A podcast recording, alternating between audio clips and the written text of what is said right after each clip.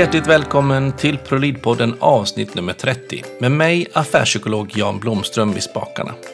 Idag så möts vi av ingen mindre än HR-chef Ursula Jarl som är eh, HR-chef inom finansbranschen idag och eh, oerhört spännande kvinna tycker jag.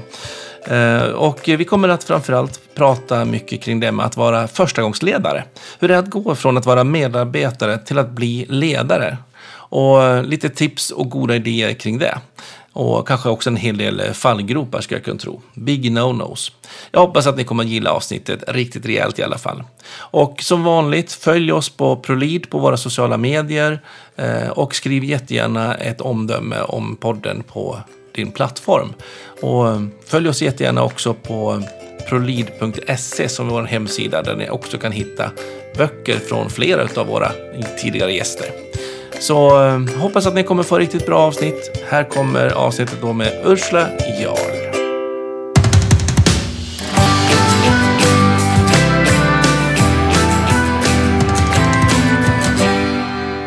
Ja, hjärtligt välkommen till ProLid-podden, Ursula Jarl.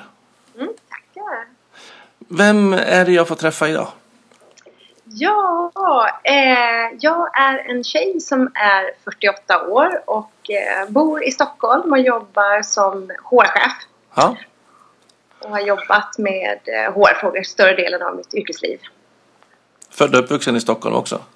Nej, jag föddes i eh, Värmland men där bodde jag bara att jag var en liten, liten bebis. Ja. Och sen flyttade familjen till eh, Lund.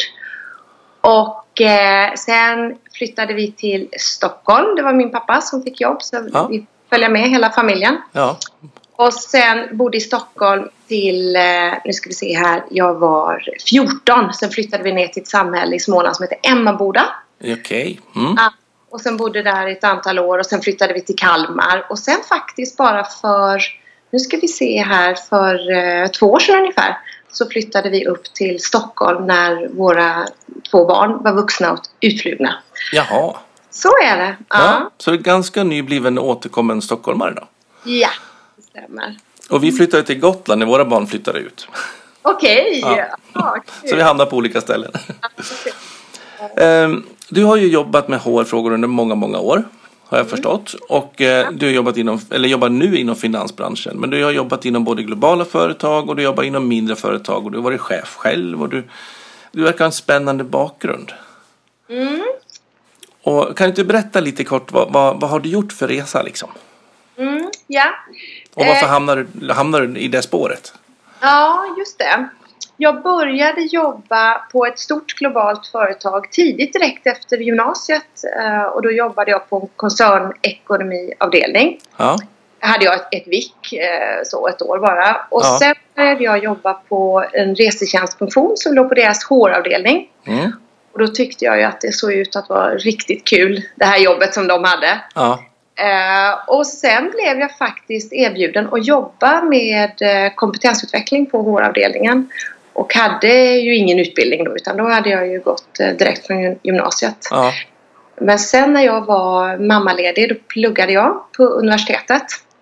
Och sen kom jag in och började jobba med, eh, först som HR-generalist och olika roller inom HR. Och sen under många års tid har jag läst eh, parallellt på distans vid sidan om. Och Mm. jag har också varit tjänstledig och pluggat olika typer av utbildning. Men, men tidigt det, eh, så blev jag fascinerad av HR för jag såg att en del människor har en enorm motor och drivkraft och andra nästan ingen. Och jag såg vilken effekt det hade med eh, det här med personlig utveckling och attityd och inställning och så vidare.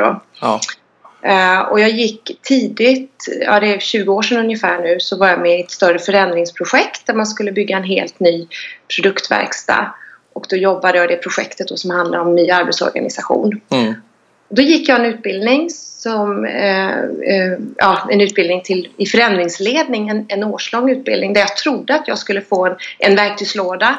Mm. Hur man går hem och bara omsätter? Ja, ja men eller hur? Ja. Eh, Precis. Men, men det det var, det var en årslång utbildning i personlig utveckling. Ja, Och det blev en milstolpe för mig.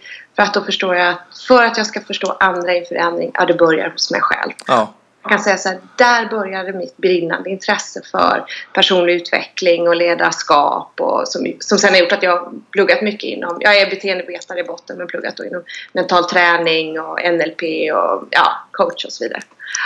Vad spännande. För det är ju den delen som jag, jag tycker är fascinerande också. Liksom. Det är därför jag har blivit psykolog också. Att jag drivs och, och tycker det är otroligt spännande på vad, vad händer inne i människor. Varför, varför blir det som det blir? Ja. Och, och ska man gå in i förändringar så kan man ju inte gå in och peka och tro att man ska tala om för andra hur de ska göra. Man måste vara ödmjuk och fatta vad det är som händer inne hos dem. Och för att kunna Ja. förstå det och kunna se det så måste man ha koll på vad som händer i en själv. Just det. Ja. Och, och, den ser, och där tycker jag man ser som skillnad i ledarna mellan de som vågar och är trygga som ledare och vågar verkligen liksom möta sin personal och de får ju också med förändringsprocessen framåt. Medan de som är rädda och inte liksom vågar släppa garden, ja men de har jätteproblem att driva förändring. Ja. Ja. Så att det, det är liksom en nyckel verkligen. Ja, och man ser också trygga ledare som, som tolererar sig själv och, och, och, och ser sig själv som viktig och värdefull.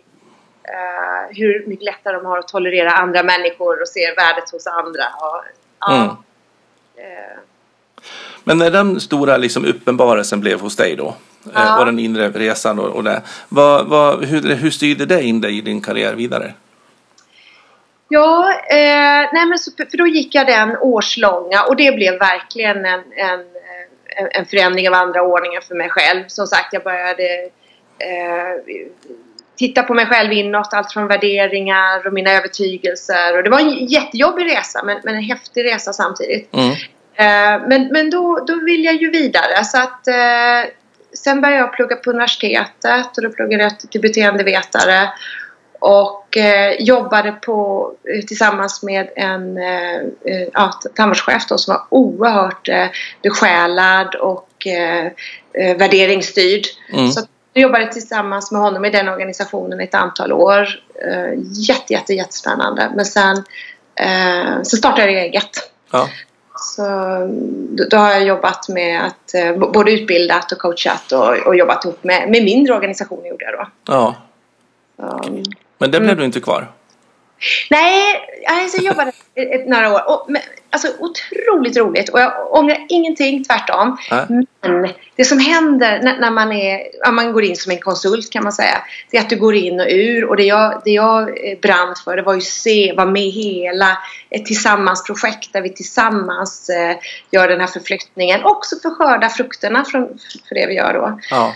Så, och jag blev jättespännande också på att själv vara, jobba som chef när jag under så många år har stöttat eh, andra chefer. Alla andra ja. Alla Jag vill andra. också göra det där. Jag vill också. Ja. Ja. Ja, det var en skön känsla. Ja, nej men så att då, då började jag jobba i en, i en organisation eh, eh, där jag jobbade som eh, chef då för fyra, fyra olika eh, kontor. Men det var en, en jätte, jättetuff tid. Mm. Verkligen. Och eh, där jobbade jag på ett sätt då som inte alls rimmade med, med min eh, värdegrund och hur jag såg på, på, på ledarskap. Och vad hände då? Vad var det som var jobbigt då i det? Ja, det, för- att det, det, det jag står för när, när det gäller ledarskap det är ju verkligen att eh, coacha, leda, utmana i vardagen, vara i, i le- ledarskapet. Ja. Verkligen få eh, medarbetarna att växa och utvecklas men också jobba med, med brinnande alltså visioner och ehm, eh, hela den biten då. Men, men här upplevde jag att jag snarare satt på läktaren Mm. och administrerade mina medarbetare. Och så var, eh, ja, väldigt sällan, i och med att jag hade fyra kontor spritt över hela länet, så eh, träffade de sällan. Och det blir mer administration. Attest- Attestera eh, tid. Och det är inte den sidan du går igång på? Nej, det är inte den Nej. tiden jag kom igång på. Så eh, eh, då, då efter det så blev det att jag blev tillfrågad på eh, ja, Atlas Copco i, i Kalmar. Så började jag jobba där som, som HR-chef. Ja. Eh, och det var ju en eh, jättespännande resa tillsammans med VDn för det här stället då. Ja. Och eh, eh, tillsammans med cheferna och medarbetarna där gjorde vi en, en stor eh, kulturresa. Med, med att jobba med, med värdegrundsarbete och ledarskap och medarbetarskap. Så det var otroligt spännande. Mm. Och då kunde du vara med och jobba i, med fingrarna i syltburken liksom. Ja, verkligen. Ja. Ja. det tycker jag är roligt. Jag vill vara nära. Härligt. Jobba med grupperna och jobba med ledarna och sådär. Ja. Vi kommer säkert in i Ja. varianter av de resonemangen på, på, på, på liksom huvudfrågan tänker jag idag. För att det som jag var lite extra nyfiken på, på dig och som jag vill liksom fånga upp lite mer det är eh, dina tankar och erfarenheter ifrån det här med förstagångsledare. Mm. Det här med liksom att gå från medarbetare ut till att bli ledare. För där har jag förstått att du har mycket tankar och idéer kring. Mm. Jo, men det stämmer. Och jag har ju följt eh, många genom alla de här åren då i olika branscher och olika organisationer. Små som, som stora. Och det är nästan samma, detsamma. Eh, så, eh, att det är, man går från kollega till eh, chef och ledare. Men dels så får man inte riktigt det stöd som man behöver. Och dels det här att förstå att det är ett helt annat jobb. Mm. Från att vara eh, jätteduktig på uppgifterna i sin profession och så förstå att man någonstans lämnar det till att det handlar om att driva och utveckla medarbetarna och utveckla organisationen. Ja. Men också ett perspektivskifte som heter duga. Jag brukar säga att, att det är som en typ av identitetsskifte. Eh, där jag behöver tänka, känna, agera på ett diametralt annat sätt. Och där är man inte medveten om tänker du? Nej, det blir ofta må många eh, eh, tu- tuffa händelser för, för cheferna. Och en del kan ganska snabbt komma in i det. Ja. Andra gör det aldrig skulle jag säga. Nej. en del kan ha jobbat oerhört många år men ändå snarare bli en form av kompis. Mm. Eh, och eh, en, en, en schysst chef så att säga. Mm. Men inte fullt ut. Eh, Och inte heller att man förstår skillnaden mellan chef och ledare. De här två enormt viktiga rollerna där jag behöver switcha så snabbt. Mm. Förstå när jag behöver klä, i, klä på mig den ena rollen och när den andra. Mm. Där jag upplever att många mer ser det här som synonymer. Och hur beskriver du de två? Hur definierar du dem då? Ja, nej men, och, och, och det finns ju ingen sanning utan... Eh, Det finns din sanning. Sanning, ja det är bra.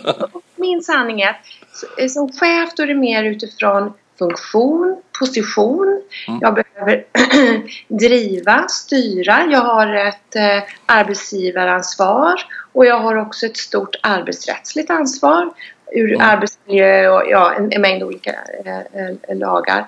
Och här handlar det mer om att peka med hela handen och eh, ja, driva, styra som oftast är utifrån kontroll, strukturer. Eh, Medan ledarskap snarare handlar om att få människor att följa. Mm. Få människor att verkligen vilja göra det jag vill av deras egna fria vilja. Och där ligger tillit, förtroende, eh, inflytande, eh, transparens, mer personligt. Mm. Um, så, så, det är två olika. Och vi behöver ha båda delarna menar jag. Ja. För när det brinner då kan vi inte fråga hur, hur känns det här utan det är bara peka med hela handen. Dit ska vi, punkt så. ja, ut nu liksom. Nu, Ja. ja. Eh, ja. Uh, Medan eh, väldigt ofta behöver vi plocka fram mer ledarskapet. Verkligen få fram den fulla potentialen hos våra medarbetare och behandla våra medarbetare utifrån de kristaller de kan bli. Mm. Och jobba med medarbetarna och vara genuint intresserad. Jag har skrivit en bok som heter Talangaccelererande ledarskap. Mm. Där jag också har brottats just med de där delarna. Och, just mellan chef och ledare. Eh, och så tänkte jag, gick jag in i mig själv lite grann och funderade på men vad, hur, vad står jag i det där? Och eh, Ja. då, då var det liksom, jag har samma typ av definition som du med, med, med chefssidan och ledarsidan. Eh, och sen de här två behövs ju verkligen bägge två. Ja. Men, men jag tänker inte ens att man behöver liksom kliva i och ur rollen. Utan till och med att man måste ha bägge två samtidigt. Och då Ja. någonstans är det när de här ledarsidan och chefssidan fusioneras. Då blir det det jag kallar för talangaccelererande ledarskap. Så att man samma millisekund som man säger liksom tydligt i chefsrollen kan fråga hur man mår och, och trivs. Ja. Nästan, så man kan skifta en- momentant. Och eh, det där kom mycket från, eh, när jag gick på psykologprogrammet så var det jättemycket debatt om det här med arv och miljö. Vad kommer Ja. först liksom? Jag tycker den där diskussionen är totalt ointressant och värdelös. Eh, och sen kom jag på en teoretiker som jag dessvärre inte kommer ihåg vad hon heter. Men hon sa att det var 100% arv och 100% miljö närvarande. Och jag bara, ja, den tar jag. Gud. Den passar mig, så släpper jag undan hela den debatten. Och då blir det lite grann att vi behöver 100% chef och vi behöver 100% ledare. Vi kan inte välja bort det ena eller det andra, för det blir aldrig bra.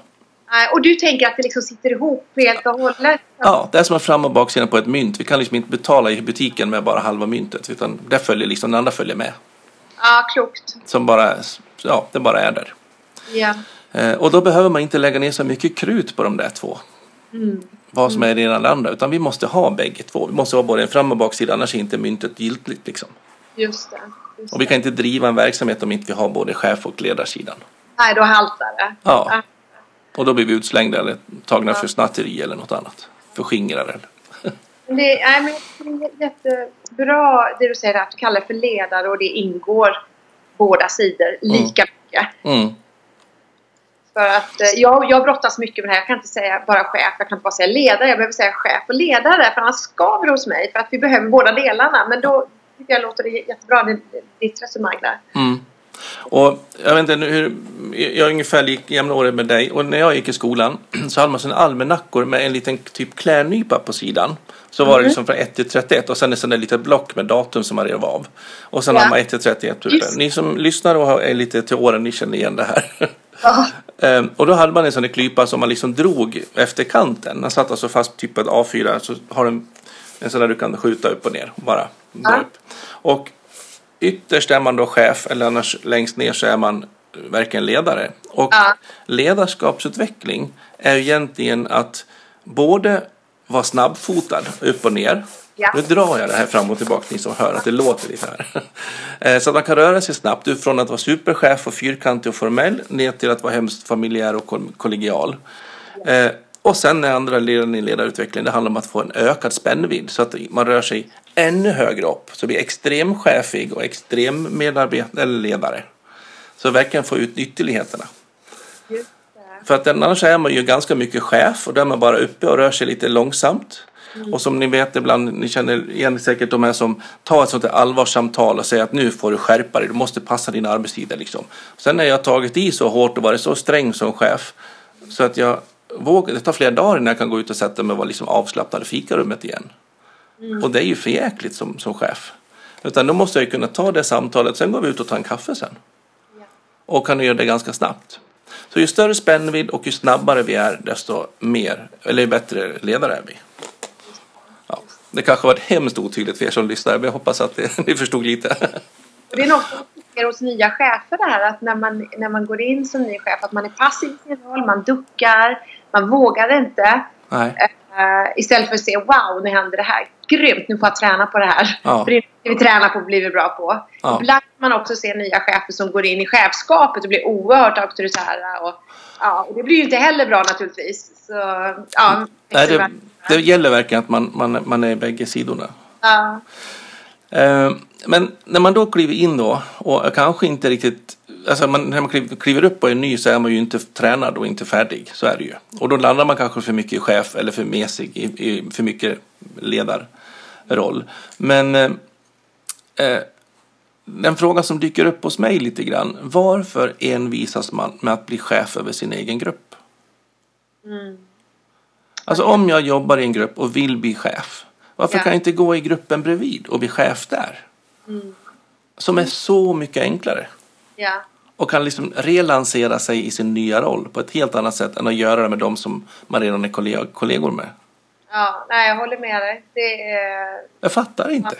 Nej. Det är liksom lika gång på gång på gång, år ut och år in.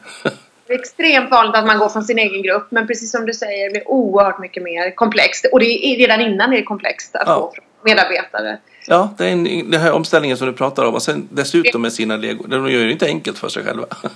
Nej, verkligen inte. Nej. Och just det här då att gå då från eh, i, det egna teamet, att man verkligen behöver lära känna sina medarbetare på nytt. Ja. Eh, ja, och, och hantera dubbla lojaliteter Mm. eh, blir ju ännu mer eh, utmanande när man går från ena egna teamet. Ja, men det är ju det. Ah, ja, okej. Men, men oavsett om man går från sin egen eller går till en annan. Eh, hur, hur, hur, är din, hur går dina tankar med att liksom, hur gör man det enkelt för dem? Vad behöver man tänka? Vad har du sett? Ja, eh, nej, men, nej men det är en sak som, jag tänker. Det är att alltid ta lead i sin egen introduktion. Även om det finns introduktion. Många eh, företag är jättebra. Andra, där är det eh, nästan obefintlig introduktion. Det är som Ja. att kasta dem rätt ut i vattnet utan flytväst. Ja, Men ta lead i sin introduktion medvetet eh, och fundera på vad vill jag med mitt ledarskap? Med handen på hjärtat, varför har jag valt att bli chefledare? mm. den enkla frågan. Den enkla frågan, ja precis. Ja. Eh, och det kan ju vara allt att våga erkänna, erkänna för sig själv. Ja men är det, det kan vara prestige och status. Nej men jag brinner för människor eller vad det nu kan vara. ja. Eh, bla- ibland har det varit så att eh, nya chefer har gått eh, chefsprogram och efter utbildningen har de sagt nej men vet du vad, det här är inget för mig. Nej. Nej. Mo- modigt. Ja, modigt. Och det är antagligen också de som kollegorna har tjatat på att ja, men bli chef du, kan inte du söka? Vi tror på dig. Ja, Ja, för att de är så otroligt duktiga i, i sin sakprofession och sen... Ja, man har tur. Eller Ja. annars så till och med så att men vi, kan inte du söka? För dig har vi ju kontroll över så vi kan styra över det. Får vi en av de våra där uppe. Men det, den sista delen säger de nästan aldrig. ja, Och det är oftast de som känner bara att nej, det där ska jag, jag kan inte vara chef. Det är inte jag. nej, nej. Det är, en spontan tanke jag fick i alla fall. Ja, men, men, men så ta i sin, sin introduktion och eh, fundera, skapa ett led, ledarkontrakt. Mm. Men hur, hur enkelt är det då? Där tror jag man behöver stöd. Där tror jag man behöver bollplank. Allt ifrån eh, sätta sig ner med, med sin egen chef regelbundet. Mm. Eh, boka in avstämningsmöten. Men också kanske en, en mentor. Eh, att ha en intern mentor har Mm. sina fördelar och en extern mentor har, har, har sina fördelar såklart. Ja, Beroende på vad man vill ha ut. En coach kan man Ja. också ha. Kan- Att, att bolla, för det, för det finns oerhört många observandum och utmaningar längs den här resan. att verkligen kunna jobba med det här liksom. Ja, Vad händer med mig? Vad vill jag? Och hur, hur reagerar jag på det som sker? just det. Ja. ja. Och sen eh, sådana saker som att förstå att när jag går från medarbetare till chef. Det är som jag går från publikhavet, ställer mig på scen och där står jag 24-7 Mm. utan då. Att allt jag säger eh, särskådas. Mm. jag säger, inte säger, gör, inte gör och så vidare. Att förstå att, eh, att jag, har, eh, jag är i sändningstid hela tiden. Och då kan en del tycka oj vad jobbigt, eh, känns jätteobekvämt det här. Mm. Eh, men då brukar jag säga vänd på det. Det här är ett grymt tillfälle att eh, bygga kultur. Precis, för man har ju tv-tittare hela tiden. Ja. Om man är i sändning hela tiden i alla fall. ja. Och ska jag bygga kultur, ja då måste jag fundera innan. Vad vill jag med mitt ledarskap? Vad är det för värdegrund vi har? Vad är det för kultur jag vill vara med och skapa? Ja. Att ha en klar bild. Så, så förenklar det. Och vad är det som finns på företaget som jag måste levande göra? Göra om till mitt. Ja. Hitta min angreppssätt liksom i det. Just det, så att det blir äkta autentiskt. Det gäller ju verkligen att man då har fattat att man inte ska vara fortsättande, fortsätta vara kompis med, med sina kollegor utan man har ett helt annat perspektiv. Ja, ja. Ett perspektivskifte. Mm. Spännande det där med, med scenen. Jag brukar ofta säga att även om du blir chef bara 20% av din tjänst så i dina kollegors ögon är du alltid 100% chef. Ja, Typ om man går ut på after work så har man, ja men chefen följer med. Även om man bara har 20% och 80% jobbar kvar i mina vardagssysslor liksom. ja, Så att så fort man, det är som att droppa, ha en rödbeta liksom, den färgar in allt. Ja, den färgar in allt. Och där kan ju många känna sig ensamma. Att inte vara en del av laget och känna att man kommer till fikarummet, det tystnar. Och då någonstans bara förstå att det handlar inte om mig som person, det handlar om min roll. Ja. Så, så det, det- det, det kan nog vara rätt så kämpigt. Vad spännande resa alltså. Det är en jättekul steg att ta. Ja. Som dock inte passar kanske alla. Men vad behöver man mer tänka på då som medarbetare när man ska ta det här steget? Kolla igenom, ta leads i, i liksom chefsuppdraget och introduktionen. Mm. Vad behöver, kan man mer tänka på? Ja, och vad kan man mer tänka på? Ja, eh, nej, nej, men sen är det här lite grann som jag pratat om. Att jag hela tiden är förebild och lite som du var inne på där att eh, personlig men inte privat. Jag kan inte vara kamrat. Nej. Att, att hålla den här viss, viss distansen. Eh, och eh, vad har vi mer för något? Ja, att allting börjar med förtroende skulle jag säga. Innan du har skapat förtroende så är det bara eh, dött, det är återvändsgränd. Ja. Oftast eh, kan det vara så att man så snabbt vill leverera och man kanske till och med kan sakuppgifterna, man kan sina grejer eh, som gör att man, man, man springer igång med en gång. Men eh, innan jag har förtroende så blir det inget bra. Och tänker man då att man är den som var kanske till och med duktigast i gruppen på sakfrågorna, blir chef och sen så gasar man på och liksom egentligen i sitt beteende nästan dumförklarar de andra för de inte är snabba nog. Ja. Då har du ju egentligen ett minusförtroende där. Ja.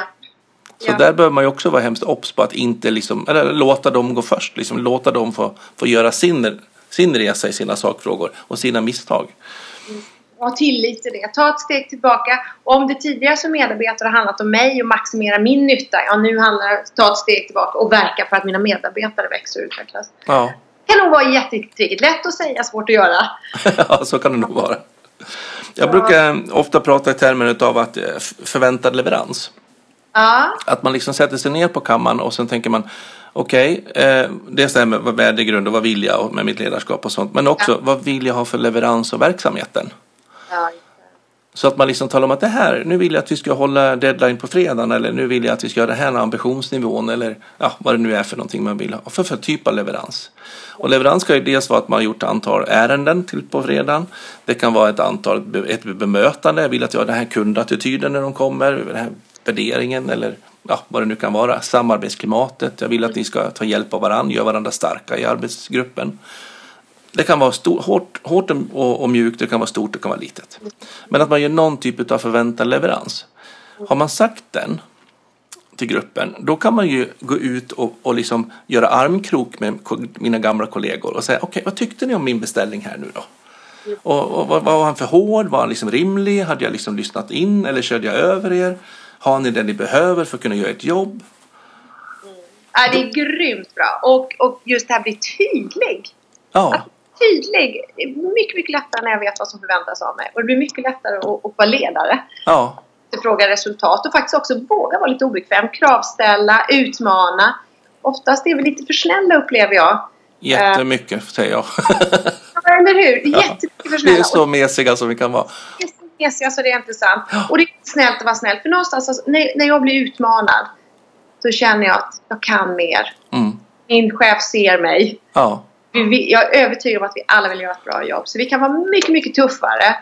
Eh, men också stötta massor, coacha. Eh, och det är okej att göra fel. Att Och ha då, den. eh, och då tänker jag, många lyssnare tänker då, ja men jag är ju jättetuff. Ja. Och så tänker jag att det är de inte alls. Nej. Därför att man har kanske satt en hög ambition, alltså hög liksom, kravspec av att vi ska ha gjort många arbetsuppgifter till på fredagen. Alltså, och på det sättet sätta höga krav, en hög säljprognos liksom, eller vad det nu är för verksamhet. Men om de inte uppnår det så händer inte så mycket. Nej. Och det är verkligen där, tycker jag, som vi kan vara det här hårda som vi pratar om. Ja. Att- Att liksom säga att vi, vi, alltså, jag vill det här ska vara gjort klockan två på torsdagen. Och så kommer inte klockan två på torsdagen, kommer halv tre. Ja, men då ska jag kunna fem över två säga, vad tog min leverans vägen? Just det. Japp. Jag Ja. har en avsaknad av förväntad leverans här, hallå? Ja. Och ta den här och nu i, i vardagen. Det går inte vänta en månad till man har Nej. sitt coachsamtal. Utan här och nu i vardagen. Ja, och gå ner, hallå, vad hände? Ja, det Jag du gjorde, det här är jättebra. Det här är inte bra. Jag Ja. förväntar mig det här. Ja. Konsekvenserna blir det här. Punkt. Och då blir man sedd, tänker jag. Då blir man sedd. Min chef ser mig i att jag gör någonting bra, då får jag en klapp på axeln och tumme upp. Ja, min Ja. chef kommer in fem över två och säger, du Jan, vad hände? Ja. Du har inte gjort det jag bad om. Och undvika den fällan att, att gå in och säga, ja men hallå och tjata liksom. Kom ihåg att jag skulle ha det klockan två, så nu vill jag ha det klockan fyra. Vilket jag har lärt mig en sak, det är att när man får en deadline så behöver jag inte hålla den för då får jag en ny chans. Och, få- och levererar jag inte fyra, då ska jag göra det på torsdag klockan tio. Eller till lunch. Ja. Och så kan jag förhala det där. Och vips har vi skapat en kultur som inte är ambitions, eller ambitiös på verksamhetens vägnar. Ja, men det är helt rätt. Och det är där jag menar chefen är kulturbärare. Allt han gör, Ja. inte gör, säger och så vidare. Så det, det är hur han jobbar, hur han själv klarar deadlines och så vidare. och så vidare. Att, Ja. man, är, att man är en förebild, en role model, nå- någon att se upp till. Ja. Oh, mycket förväntningar vi har på en stackars medarbetare som går upp och blir chef. Ja. och ledare. Och sen är det en del chefer som tycker här, går de upp från medarbetare till chef och som har en högpresterande chef tycker men herregud, de har ju inga engagemang, vad gör de? Ja. Och, och, och, och, kan bli eh, frustrerade. Mm. Um, så ja. Och vad gör man då? då? Ja, precis. Och, och då handlar det lite grann också om att eh, förstå, se, se sina medarbetare men, men återigen det, det du är inne på, var tydlig med vad, vad vi förväntar oss. Men sen också att vi är olika och vi ska vara olika. Det är olikheterna som gör att vi tillsammans kan förflytta och verkligen göra storverk. Mm. Och våga, tänker jag också prata om, om vad är det som får dig att gå igång och, och vara högproduktiv? Och vad är det som får dig att tappa energi? Just det. Behöver vi flytta på varandra? Ska vi justera arbetsuppgifterna? Ja. Och kanske skapa klimatet att de vågar ta den diskussionen i gruppen vad det lider. Avdramatisera, att faktiskt våga prata om både prestation och potential och avdramatisera det. Ja. Att, uh, det handlar om att vi ska bli vårt bästa jag och, uh, komma till vår fulla rätt. Ja. Det är ju extremt och den resan kan man bara göra själv tänker jag. För sitter man där som ny chef och säger shit, de är inga högmotiverade alls. Vad händer? Ja men som ny chef kan man aldrig, och inte som gammal heller, få medarbetarna att bli högpresterande. Det är bara medarbetarna själv som kan få det. Att hitta den drivkraften och liksom hitta startnyckeln till den och, och välja att faktiskt vara engagerad på jobbet. Ja. Men det är en annan aspekt på det här också. När man då har en ny medarbetare som ska gå från medarbetare upp och bli ansvarig om man är som chef över den, vad bör man som chef tänka på då? Eh, nej men det, det ska man verkligen tänka på att det är ett helt nytt jobb eh, och eh, eh stötta den här ny, nya eh, medarbetaren också vara vaksam så att, så att den här eh, nya chefen då har tagit det här identitetsskiftet som jag brukar säga. Ja. Att, och stötta chefen men också tillit. Aldrig... Eh, för, för det finns ju en del som varvar den nya chefen och går, går direkt till chefens chef. Ja. Eh, men verkligen vara noga med att det går till, till, till första chefen. Och, ja, tillit, lita på.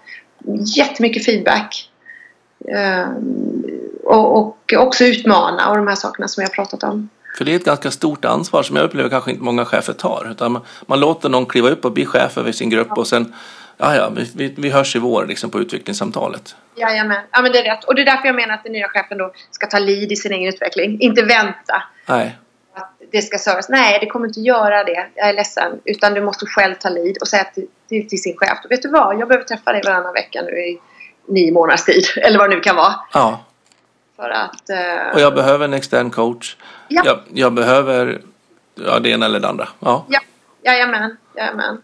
Och det finns jättemånga bra verktyg. Allt ifrån 360 med medarbetarna till någon som, eh, någon som skuggar dig när du kör ett eh, avdelningsmöte eller ja. Utvecklingssamtal där du kan få feedback. Det finns enormt mycket att göra och det bästa sättet att lära sig är att göra, att våga och verkligen vända när det är riktigt tuffa personalärenden. Fasen vad bra att det här händer. Det här kommer göra mig bra. Ja. Det är träna på att bli bra på. Och, men se till att ha stöd och hjälp från alla håll och kanter. Och det är också någonting som jag tänker i ledningsgruppen då, om man nu tillhör en sån som ny, kliv, kliver upp Ja. och blir ny chef. Att eh, gärna kanske också använda de kollegorna till att göra de här observationerna. Jajamän. Det är ju så roligt när man gör det. Ja. Alldeles för sällan man använder det. Ja, Det ja, jag, jag har varit med i ett, ett av de, där jag jobbar, där jobbar vi så alla cheferna att vi beställde feedback på varandra och sen så gjorde vi hälsade vi på varandra och då zoomade in så var det någon chef som sa att "Nej, men jag vill bli bättre på att lyssna. Och så zoomade man in på den, eh, den personen då i tre veckors tid och var på möten och följde och sen gav feedback. Och det var ju tre fördelar. Ett, jag fick träna på att ge feedback. Ja, Fick feedback själv. Vi lärde känna varandra. För oftast jobbar vi i silos tyvärr. Man Ja. förstår varandra över gränserna. Så det, finns, det finns många eh, bra verktyg. verkligen. Jättekul. Ja, där ska man uppmuntra till alla som lyssnar att gå in och observera varandra och hjälp varandra att ge speglingar. Det är suveränt. Och, och våga när det är de här tuffa grejerna. Att man vågar ta tag i det och gå utanför sin komfortzon. Mm. Och inte vara så, så hård mot sig själv utan att vi är ödmjuka. Vi, vi, vi, åker ner i diket ibland men det viktiga är inte att, att det går tokigt ibland utan det är viktigt att vi lär oss. Ja. Och jag brukar tänka så att om jag skulle ge dig feedback på att ja, men jag såg att du inte lyssnar särskilt bra på det där till exempel. Ja. Eh, och så bara ups, nedtänder du liksom och, och tar, tar det dåligt. Mm. Då har man ju, hör, hör man ju ofta så här, det där var ju ingenting att säga, ingen idé att säga det här till Ursula för hon flyger ju i taket så fort man säger något. Ja. Och då vill jag hellre att man ska kunna tänka att mm, hon är så otränad på det där så det här behöver hon träna mycket mer på för feedback. Och bevisligen måste jag träna mer på att paketera min feedback så att den går att ta emot. Så vi behöver verkligen göra mer feedback. För det är ungefär som någon som väger 180 kilo och har svårt att få kondis liksom och knappt orkar sätta på sig skorna utan att bli svettig. Om den börjar bli svettig om man är ute och går en promenad då kan man inte bara säga oj vad jobbigt. Så den behöver nog inte gå ut något mer. Just det. Utan då säger man ju att det är den som verkligen behöver gå. Ja. Och det är samma gäller i beteenden. Det är lika mycket som det fysiska. Jajamän. Så vi behöver verkligen träna på de här sakerna. Det var egentligen det som min summa var. tänka på det. Jag vet inte om det stämmer. Jag hörde någon gång när, när man styrketränar. Jag vet inte om det stämmer. Men att när man, när man kör tuffare repetitioner, mer, mer eh, större vikter. Att när muskelfibrerna brister. Mm. Det skapar muskel, muskler. Jag vet inte om det stämmer. Men jag tänker att det är likadant när vi tränar i vår vardag. Mm. Det är när vi gör likadant som vi, som vi växer och utvecklas. Det är när det är lite jobbigare, lite tuffare. Eh, och det är därför bara yes när, när det kommer tu- tuffa grejer. Ja. Eh, vi får lära oss och vi, blir, vi växer som chefledare. Mm. Och jag kallar ofta det för mental träningsverk. Ja. Jag ska ha lite ont i magen innan jag tar upp det här. Och sen säger jag det. Och han är svettig i hårfästet. Och sen efteråt så bara ja, jäklar alltså. Jag kan knappt gå av träningsverk här mentalt. Men nästa gång så har jag faktiskt gjort det och då vet jag att jag klarar av det. Ja, det är grymt. Och då är jag bättre rustad. Ja, kul. Kul. Vi har ytterligare en aspekt som jag är lite intresserad av. Det är när man har en kollega som har tackat ja nu då till att bli chef över oss. Vad behöver jag som kollega då göra och tänka på? Ja, då har min kollega helt plötsligt blivit min chef och ledare. Ja, en jäkeln. Ja, ja, ja precis. Precis. Eh, Hon vågar och inte jag. Jag ville Ja. våga det också. Ja. Nej, men alltså jag tror alltså ett, ett, ett samtal behöver man ha och det, och det är ju chefen som tar lead i det. För man har en, ma- man har en massa olika relationer till, till eh, eh, dem i eh, teamet. Så, så ett samtal med sin nya chef då som har varit sin kollega innan. Mm. Upp det på bordet om det är något som, som eh, man behöver prata om eller att det fin, finns någon knorr i, i relationen. Mm. Eh, annars är det bara att uh, gillar jag inte att ha den här chefen, ja då får jag leverera någon annanstans. Ja, Det, acceptera, håll käft eller stick därifrån. ja, faktiskt. faktiskt Lite mjukt sagt. upp, upp, med, upp med skiten som jag brukar säga. Ja. Att under mattan för det pyr ändå upp sen. Ja. Upp med det, snacka om det och känns det fortfarande inte okej efter en tid, ja då får jag faktiskt söka mig någon annanstans. Mm. Mm. Hårda ord, inga Ja. visor. Ja. Ehm, en annan aspekt som jag tänker mig också, som jag brukar tänka vad man kan göra som kollega, det är ju när man då fått den här nya, min kollega går upp och blir min chef, så är det inte lätt för den att lista ut vad det är vi behöver. Och då brukar jag prata om att man kan beställa sitt ledarskap. Det är egentligen det du pratar om också, ta lead i sitt egen introduktion upp till Ja. sin högre chef. Men, men även som medarbetare säga att okej, nu har jag fått min kollega som chef i måndags. Och då vill jag ju ha ett möte. Får jag ett möte med min chef som hon har tagit ansvar för eller initiativ till så är det bra. Annars får jag själv gå in och säga du, nu när du har blivit min chef, jag behöver det här av dig för att jag ska prestera bra. Vad behöver du av mig för att du som chef ska prestera bra? Just det. Att man faktiskt pratar om förväntningarna på varandra. Även som medarbetare. Jätteviktigt. Och, och att man talar om för sig själv. Vet du vad? Jag, jag skulle behöva att du var lite mer tydlig. Ja. Eller jag behöver det här, precis som du är inne på. Eller Eh, backa lite eller lämna, give me space liksom. vad, det nu, vad det nu kan vara. Ja. Så, eh, och, och, och, att det är faktiskt... Där kan man prata om medarbetarskap och ledarskap som två sidor av samma mynt som du pratade om Ja. innan. Att det är tillsammans, att vi gör varandra bra. Ja.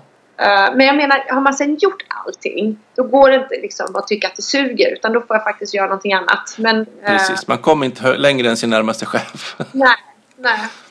För Nej. vill man inte ta emot det som chef, men då är det ju som det är. Då, Ja, då är det bara att packa väskan och dra om man vill fortsätta utvecklas. ja. Precis. Och därför är det viktigt också när man söker jobb. Så är det, i förr i tiden så pratade man mycket om att man, man valde ett företag som delar ens värderingar och så vidare. Ja. Men oerhört viktigt att man, att man väljer ett, eh, en, en chef.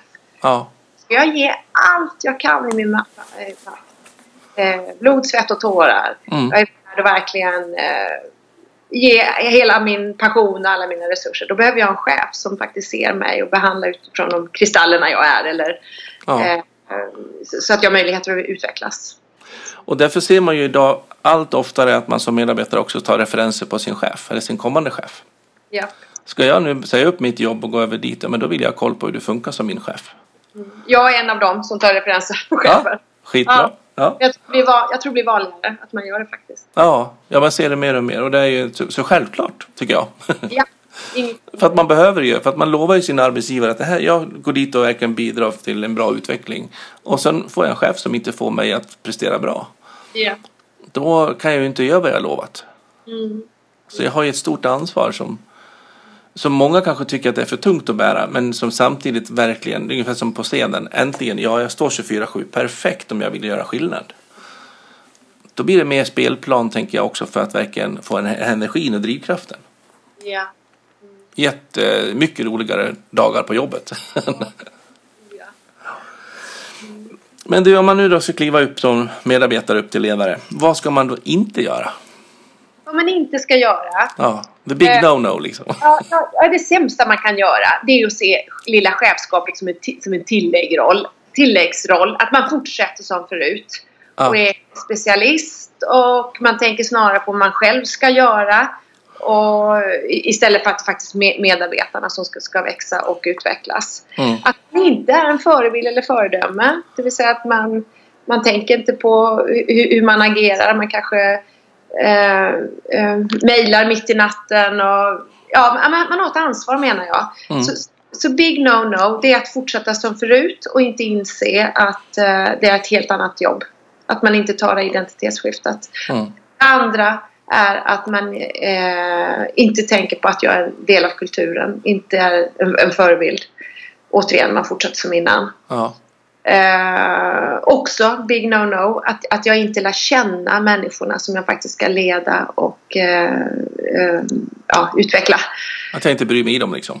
Ja, jag, jag ser dem inte, jag hälsar inte på dem. Nej. Jag är, är inte nyfiken och genuint intresserad av de- deras bakgrund och vad de brinner för och hur de vill utmanas och så vidare. Då, va? Utan, eh, utan att jag mer är sak och uppgiftsorienterad. Mm. Eh, mm. Att jag inte bygger förtroende är också big no-no. Att jag bara kör. Ja. Jag bara kör. Att de andra inte hinner med. Nej, de andra hinner inte med. Också att, att, att sätta fingrarna i alla syltburkar och tänka att äh, men jag gör det här bättre själv, snabbare, bättre. Ja. Till slut så slutar medarbetarna tänka. Precis, sätter sig med armarna i kors på läktaren. Ja, Och väntar på nästa fadäs. Nästa syltburk som åker i golvet för att chefen hinner stoppa ner dem i förbifarten och rycker med sig den. just. Och, det, och det här har jag sett flera gånger. Eh, man brukar vi kalla, brukar man kalla det för inlärd hjälplöshet? Eh, ja, ja, eh, ja, men vilket sammanhang brukar man... Ja, jag kommer inte ihåg nu. Eh, ja, genial. Men, men då kommer chefen och säger men herregud jag fattar inte. Kloka, smarta, intellektuella människor har slutat tänka. Ja, Ja, för att chefen eh, Ja. styr allt för mycket och eh, säg. verkligen. Ja, det fanns en lång lista på... Att det är mycket negativt här. Det finns ju massa otroligt spännande och roligt med, med att vara eh, ledare. Men det hoppas jag att... Eh, ja. Den sidan är inte big no-no i alla fall. Nej. För, för varför ska man ändå göra det här då? Varför vill du att man ska liksom uppmuntra till att ta det steget från medarbetare upp till ledare? Ja, ett otroligt spännande jobb att vara del av att skapa en arbetsplats där du får medarbetare som vistas till jobbet. Och verkligen få möjlighet att se dina medarbetare utvecklas tillsammans med, med dina medarbetare. Det är en sån enorm... Eh, ja, det går nästan inte att be- beskriva. Men det i sin tur då eh, eh, bygger ju på att, att, att du är intresserad av människor och mänsklig utveckling. Mm. Och det är väl kanske det som är essensen, att fatta någonstans, att få den polletten att ramla ner, att jobba som med ledarskap, då måste man någonstans tycka att det är intressant med människor. Ja. För det är människor vi jobbar med. Ja. Och eh, jag brukar säga att man som chef jobbar man med medarbetarna och eh, medarbetarna jobbar med, med verksamheten. Mm. Sen haltar det i vissa verksamheter, men, men så lite grovt. Och ja. till och med rektorer som alltid säger att de har det pedagogiska ansvaret. Så säger att ja, genom dina medarbetare så är dina verktyg medarbetarna. Men många mm. lever kvar i det gamla att jag vill ut och se i klassrummet hur, hur situationen ser ut. Ja, men det betalar du en stor del av din budget till personal som har som jobb att sköta klassrum. Ja.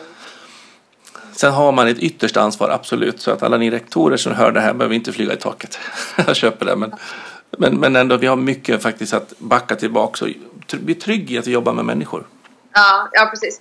Och sen mycket, mycket av det här som vi pratar om, det, det, det är lätt att säga men svårt, svårt att göra. Mm. Uh, men, men att återigen vara schysst mot sig själv. Uh, det är okej okay att få göra fel. Vi är inga robotar. Uh, det, det, är att vi lär oss. Det är det som är det viktiga. Att vi hela tiden är i rörelse. Vi provar, testar och vi lär oss. Ja, och vi, är, vi, vi tränar och är ja. inte kunniga när vi kliver på. Precis. Så våga vara lite nyfiken. Men baksidan, ja. eller en prislapp på de här goda, roliga chefsjobben är ju lite grann som du var inne på att eh, man kanske inte får den som stänger festen längre på after work. Nej. Att man liksom inte kan göra vissa saker. Så det är ett pris man behöver inventera. Mm. Hur viktigt är det för mig att vara den personen? Och måste jag vara den med just de som jag jobbar med närmast? Mm. I så fall så kanske man inte ska tacka ja. Eller tacka ja någon annanstans. Eh, men eh, har man bara inventerat prislappen så att man vet med, ja, vilken investering man gör, då har man ju hur mycket silverbricka som plockar skördningarna på ja. som helst. Och jag har skrivit en bok som heter Chefen som personlig tränare. Apropå det med att vi måste träna och växa och tillåtet att göra fel. så att den, eh, vi, vi, behöver verkligen få, få vara i processer kring det här. Hörru du, jättespännande att eh, få höra dina tankar och resonemang. Var får man tag på dig om man vill prata mer med dig som lyssnare? Jag finns på eh, sociala medier. Jag finns på LinkedIn och eh, ja, Facebook och, eh, och på mail så är det ursula.jarl.telia.com Suveränt, så bara söka där så hittar man alla kontaktuppgifter till dig. Jajamän så kan man fortsätta dialogen och diskussionen med, med dig. Och vill ni fortsätta lyssna på ProLid-podden så fortsätter ni att gilla oss och eh, skriv gärna en eh, liten omdöme på, på er plattform där ni lyssnar på podden. Och eh, med det så tackar jag så jättemycket för att du var gäst här hos oss idag Ursula. Tack själv, det var jätteroligt att prata ledarskap. Tack. Ja, tack. Hej.